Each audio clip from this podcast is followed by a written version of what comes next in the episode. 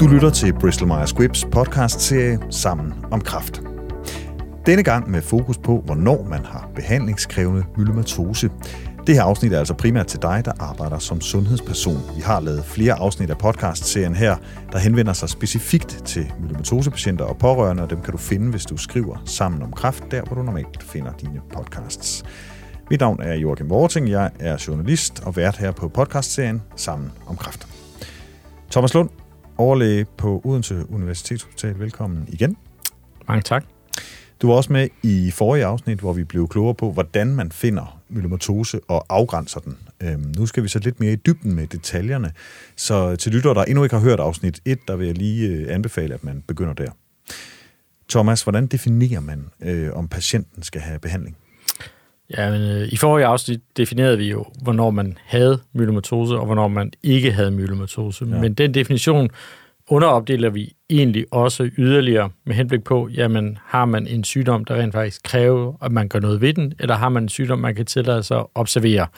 Og de to grupper, vi deler dem op i, det er det, vi kalder smoldering myeloma, eller hvilende myelomatose mm. på dansk, eller aktiv myelomatose, eller i daglig tale nok bare myelomatose.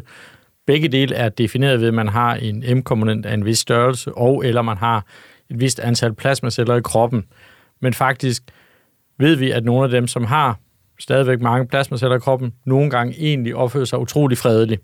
Hvis man tager, så det er alt afgørende for, hvornår vi synes, vi skal behandle, det er, at der skal være noget vigtigt at behandle. Vi vil meget nødigt bare behandle et tal i en blodprøve eller et tal på en skærm. Vi vil rigtig gerne behandle et symptom ved patienten, så det alt afgørende for os er egentlig, om patienten har symptomer eller ej.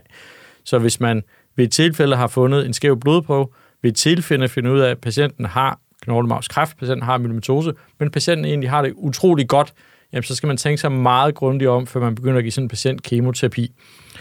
Og det vi ligesom har sagt af afgrænsningen, er, jamen hvis den her ligger i fred og ro, jamen, så kan vi egentlig også godt tillade os at holde os i fred og ro. Så der kommer utrolig meget undersøgelse ind i at finde ud af, jamen er det her roligt eller ej? Og hvis den ligesom er rolig, så ved vi, jamen cirka hos halvdelen, så vil den holde sig rolig utrolig lang tid. Og den anden halvdel, jamen der har vi fundet det tidligt i forløbet, men det er egentlig noget, der nok er ved at opføre sig sådan kræftagtigt.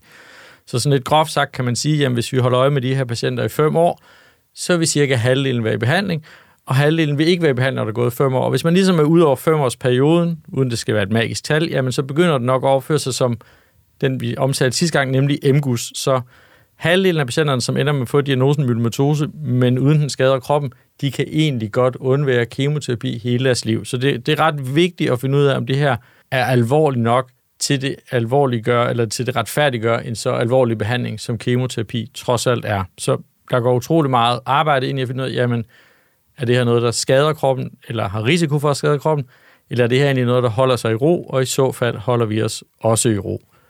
Så en stor del af udredningen, når patienten kommer ind, er selvfølgelig første gang at finde ud af, har man en myelomatose eller ej, men mindst en lige så vigtig del af det er at finde ud af, jamen, er det her en myelomatose, der har betydning for patienten, eller er det noget, vi bare kan finde, fordi vi har fået så grundige undersøgelsesredskaber. Og når man så er over i den aktive øh, myelomatose her, hvad er så de klassiske symptomer, når man skal iværksætte øh, behandlingen? Jamen, de klassiske myelomatose-symptomer, det er det, vi kalder CRAB-kriterierne. CRAB er i virkeligheden sådan en huskregel eller en forkortelse for de sådan fire klassiske præsentationer, myelomatose kan have. Der siger vi CRAB, jamen det består af et C, som er en, en, en, en akronym, eller en forkortelse for calciumproblemer. R er en forkortelse for renal eller nyreproblemer. A er en forkortelse for anemia eller penier, mangel på mm. røde, hvide blodplader, altså de forskellige ting i blodet. Og B er et, en forkortelse for bone, altså knogleskader. Så myelomatosen, når den er aktiv, har det med at ramme en af de fire ting.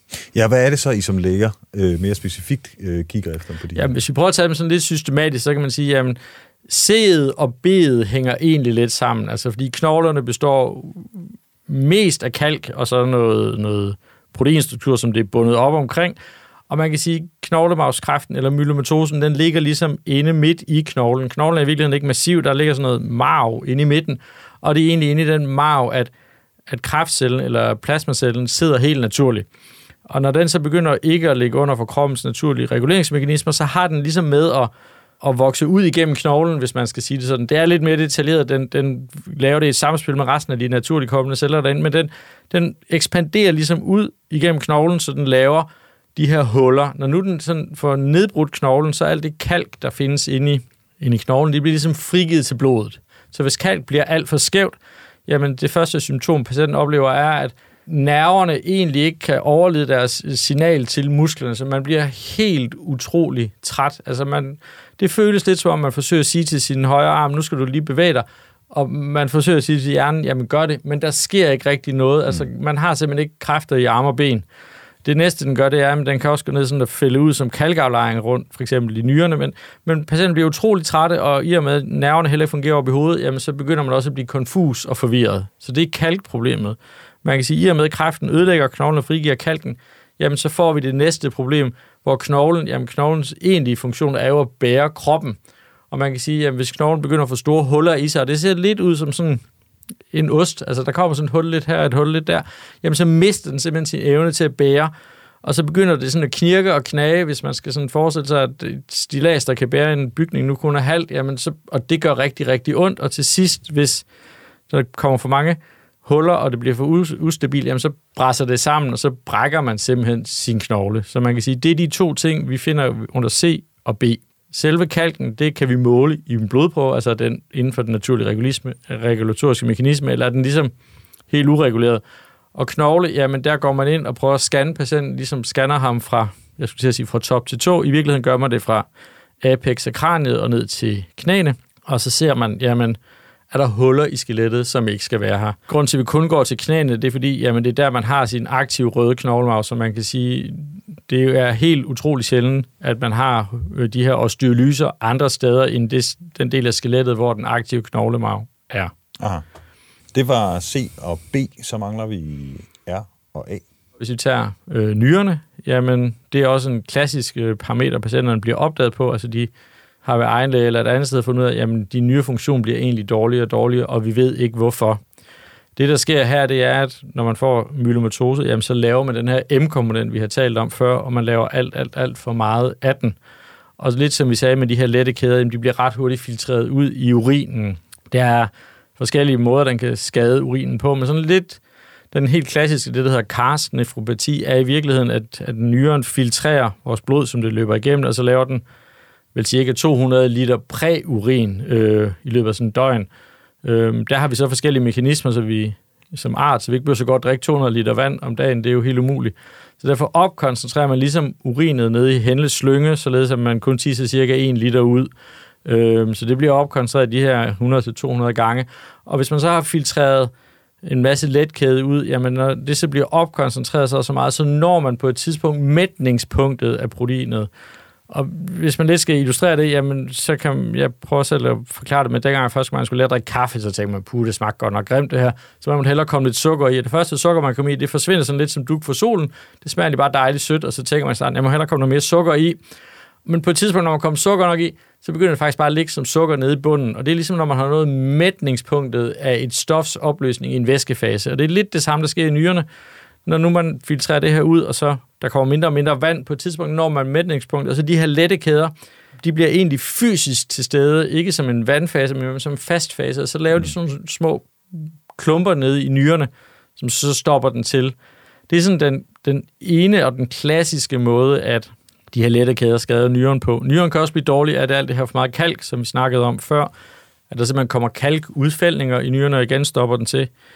To andre måder, det kan ske på, jamen det er, at de her lette kæder, øh, de har det med at stable sig oven på hinanden og lave sådan noget, der hedder amyloidaflejringer, som også gør, at nyren bliver for stor og ineffektiv og har en masse væv i sig, som ikke gør nogen funktion, og så kan den også lave en glomerulynefrit aflejring, som mere at den ligger derud og ligger sig i glomeruli, så den ligesom bliver for tyk, så selve filtreringsmekanismen for at alt for tyk lag den skal igennem, så den ikke kan filtrere sig godt. Nyrerne er tit et af de organer, der lider meget i myelomatose, og tit et af de organer, patienten i virkeligheden får problemer med på sigt, så det er noget, vi holder rigtig, rigtig meget øje med. Det sidste kriterie, vi ligesom er med her, det er, det er A'et i CRAP, og det står for anemia. Mm. Det kan i virkeligheden være alle blodets komponenter, der mangler at have anemia, og kun en af dem, det kan også være de hvide blodlemmer, der bliver for lidt af, eller blodpladerne, der bliver for lidt af. Øh, den mest klassiske måde at forklare, hvorfor man får mangel på blodets formende elementer, er, at myelomatosen simpelthen fylder for meget ind i øh, knoglemagen. Knoglemagen er der, hvor alle blodets celler bliver produceret ind, og man kan sige, hvis en rigtig stor procentdel af pladsen ligesom er fyldt op af kræft, så er der simpelthen for lidt plads tilbage til at producere det, der skal produceres derinde. Så patienterne kommer nogle gange ind, fordi de har alt for lave blodplader, og måske bløder, kommer nogle af, fordi de er rigtig, rigtig trætte, fordi de har for lavet blodprocent, eller for hyppige infektioner, fordi de har for lidt af de hvide blodlemmer, som skal bekæmpe infektionerne. Øhm, man kan også få anemi af andre, lidt mindre hyppige årsager. Det ene er, at nyren kan lide under den her sygdom, og så derfor sætter den sin EPO-produktion ned, og EPO er ligesom det, der driver blodproduktionen i knoglemagen. Og den sidste er, at myelomatose jo er en sygdom, der sidder i immunforsvaret, og hvis det ligesom har kræft i sig, jamen så får man nogle gange det, der hedder en inflammatorisk øh, proces i kroppen, og så kan man få det, der hedder anemi ved kronisk inflammation. Så det er ligesom de klassiske tre måder for anemi på. Så de fire symptomer, som er de helt hyppige, som vi ligesom siger, det er dem, der er de hårde endeparametre for, hvornår vi siger, at myelomatosen skader, og dermed skal behandling. Det er C for calcium, det er R for renal, det er A for anemia, og det er B for bone. Thomas, det var sådan de klassiske kriterier, som vi omtaler som uh, CRAB-kriterier her. Øhm, men der er også nogle nye kriterier, øhm, som man har fundet. Hvornår er man egentlig øh, undersøgt godt nok? Ja, øhm, som sagt kan man sige, at vores grundtese har ligesom været, at vi skal være sikre på, at det her er slemt nok til det retfærdiggør kemoterapi. Og man mm. kan sige, en gang havde vi ikke så mange forskellige typer kemoterapi at behandle med, men vi, det blev selvfølgelig testet, jamen hvis nu man ikke har aktiv myelomatose, øh, men hvile myelomatose, jamen skal man så behandle alligevel? Og der, der har været nogle forsøg, som jo efterhånden er i gamle dage, hvor man prøvede at give de her gammeldags typer kemoterapi til patienterne og se, jamen kunne man undgå, at de fik aktiv myelomatose, som, som er en ret slem sygdom at få, og det kunne man ikke rigtig finde nogen effekt på. Man kunne egentlig bare se, at de fik alle bivirkninger til kemoterapi. Kemoterapi er jo heldigvis ikke, som det var engang. Altså, vi får hele tiden mere og mere effektive stoffer, og måske endnu mere vigtigt, vi får hele tiden mere og mere veltolererede stoffer. Øhm, så derfor bliver vi jo nødt til at gentænke, jamen, hvornår har man egentlig behandlingskrævende sygdom? Altså, hvornår retfærdiggør symptomerne behandlingen? Og man kan sige, hvis behandlingen bliver mildere og mildere, kan det være, at man også skal acceptere mildere og mildere symptomer. Øhm, og det er selvfølgelig en, en proces, hvornår man synes det, men det studie, som nok gjorde rigtig meget øh, for, hvordan man opfatter myelomatose, er i virkeligheden nok et studie, der blev publiceret i 2016, hvor øh, der var en spansk gruppe, der prøvede at sige, at de, de valgte nogen, som de sådan definerede som de mest aktive af de hvilende, og så gav de dem et, et af de her nye lægemidler, øh, til halvdelen, og lod være med at give det til den anden halvdel. Og det var ligesom det første studie, hvor vi så, jamen, de her hvilende myelomatosepatienter, som jo var vældig, vældig øh, nøje øh, udvalgt, de, levede, de gik faktisk længere tid, klar længere tid, inden de engang fik aktiv sygdom, men endnu mere vigtigt, de levede rent faktisk længere. Så det begyndte ligesom at, at starte noget hos lægerne rundt omkring i verden, og sige, ja, men okay, måske skal vi til at rykke den her grænse lidt ned på, hvornår man skal behandle. Og det, som myelomatose-samfundet ligesom prøvede at sige, jamen det var, jamen, kan vi finde nogle patienter, som med ret stor sandsynlighed inden for en ganske kort tidsperiode får de her CRAB-symptomer. Øh, så hvis vi kan det og, og gøre det sikkert, jamen, så vil vi i virkeligheden gerne gå i gang med behandlingen, nu den ikke er så slem mere, fordi det er også træls at gå i gang med at behandle dig med kemoterapi, fordi de nyere er gået i stykker, eller det er også træls at gå i gang med at behandle dig med kemoterapi, fordi du har brækket en knogle. Altså det kunne være kunne være rart at komme i gang før, nu når behandlingen er blevet mere mild. Øhm, og det, de ligesom opsat for kriterier, det var, jamen de vil gerne ligesom sige, jamen kan vi finde nogen, hvor det er meget sandsynligt, at det her går galt lige om lidt. Og det er ligesom det, MDE-kriterierne skal dække, altså de her myeloma defining events. Og hvad er de nye kriterier så? Jamen de tre kriterier, vi har sat ind som de her nye MDE-kriterier, det er, jamen hvis vi sagde, at man havde myelomatose, hvis man havde 10% klonale plasmaceller, så kan man sige, jamen hvis man har mere end 60%, altså hvis det virkelig fylder utrolig meget af knoglemagen, så tænker vi, jamen så er der ret stor sandsynlighed for, at det mm. også snart giver problemer. Så man kan sige, hvis, hvis der er mere end 60% klonale plasmaceller i knoglemagen, eller på et knoglemagensaspirat, så siger vi, så har du et MDE-kriterie. Det andet MDE-kriterie, vi har, jamen det er, hvis de her lettekæder simpelthen er for skæve, øhm, og hvis der er mere end 100 gange af mere den ene end den anden, og selvfølgelig også, at den har en vis størrelse, så er det ligesom det andet MDE-kriterie, altså en for skæv letkæde ratio.